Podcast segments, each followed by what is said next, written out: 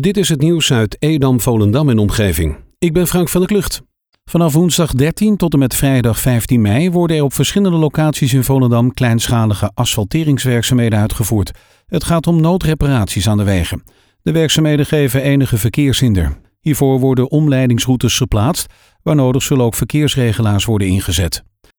Jan Smit, Chantal Jansen en Edcilia Rombly zijn opnieuw gevraagd om volgend jaar het Eurovisie Songfestival te presenteren. Dit jaar doen ze alleen de alternatieve show voor het geannuleerde evenement. Het Songfestival werd half maart vanwege de coronacrisis afgeblazen en verplaatst naar volgend jaar. Zaterdag wordt in plaats van de finale de alternatieve tv-show uitgezonden. FC Volendam is gisteren weer begonnen met de eerste training nadat de laatste voetbalwedstrijd op 6 maart jongsleden werd gespeeld. De club houdt zich tijdens de training streng aan de regels van het RIVM. FC Volendam begrijpt dat mensen graag even bij de training willen kijken, maar dat mag niet volgens de richtlijnen. Medewerkers rondom het stadion zullen toeschouwers dan ook vriendelijk vragen om weg te gaan. Wie vanaf 1 juni met het openbaar vervoer wil reizen, moet verplicht een mondkapje dragen. Doe je dat niet, dan kan je een boete krijgen. Connection adviseert om het mondkapje op te zetten als de bus eraan komt, omdat juist bij het in- en uitstap er kans is op contact met de medereizigers. Wie geen niet-medisch mondkapje draagt, loopt kans op een bekeuring. Hoe hoog dat bedrag wordt is nog niet duidelijk. Busvervoerder Connection laat weten dat de chauffeur hier in ieder geval niet zelf op gaat controleren, maar dat dit de taak is van handhavers. Handbalster Jamie Mens keert na de zomer terug in Volendam.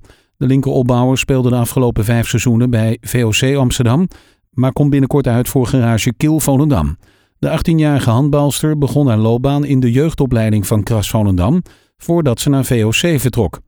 Daar ontpopte Mens zich tot een jeugdinternational en debuteerde in februari in het eerste team van de meervoudig landskampioen. En nu keert ze dus terug naar Volendam. Gemeenteraadslid Gudi van der Hoge van GroenLinks stopt na zeven jaar als raadslid van de gemeente Edam-Volendam. Van den Hoge laat in een brief aan het college weten dat ze niet over één nacht ijs is gegaan bij het nemen van deze beslissing. Ze heeft namelijk overwegend veel voldoening gehaald uit haar werk als raadslid. Door te stoppen hoopt ze meer balans te vinden tussen haar werk voor de Hogeschool van Amsterdam, haar privéleven en haar hobby's. Zwangere vrouwen mogen nog niet hun partners meenemen naar het Saans Medisch Centrum als ze daar naar de verloskundige gaan. De KNOV, de beroepsorganisatie van verloskundigen, kondigt op 7 mei aan dat is besloten om partners vanaf 11 mei weer toe te laten bij een bezoek aan de verloskundige. Zowel bij consulten, echo's en bevallingen. Dit geldt volgens het advies van het KNOV ook voor ziekenhuizen, mits het desbetreffende beleid dit toelaat. Bij het ZMC is dit niet het geval, zo meldt het Noord-Hollands Dagblad. De gemeente Purmerend betreurt opnieuw een sterfgeval als gevolg van het coronavirus. Dat zijn er voor de gemeente inmiddels 32. In de regio Zaanstreek-Waterland staat het aantal inwoners dat is overleden aan het virus nu op 92. De gemeente Zaanstad zag er de afgelopen 24 uur zes nieuwe gevallen bijkomen, waarmee het totaal voor die gemeente stijgt naar 363, met in 110 gevallen ziekenhuisopnames. In Edam-Volendam kwam er één geregistreerd in Edam-Volendam kwam er één besmetting bij en dat zijn er inmiddels 87 met 21 ziekenhuisopnames.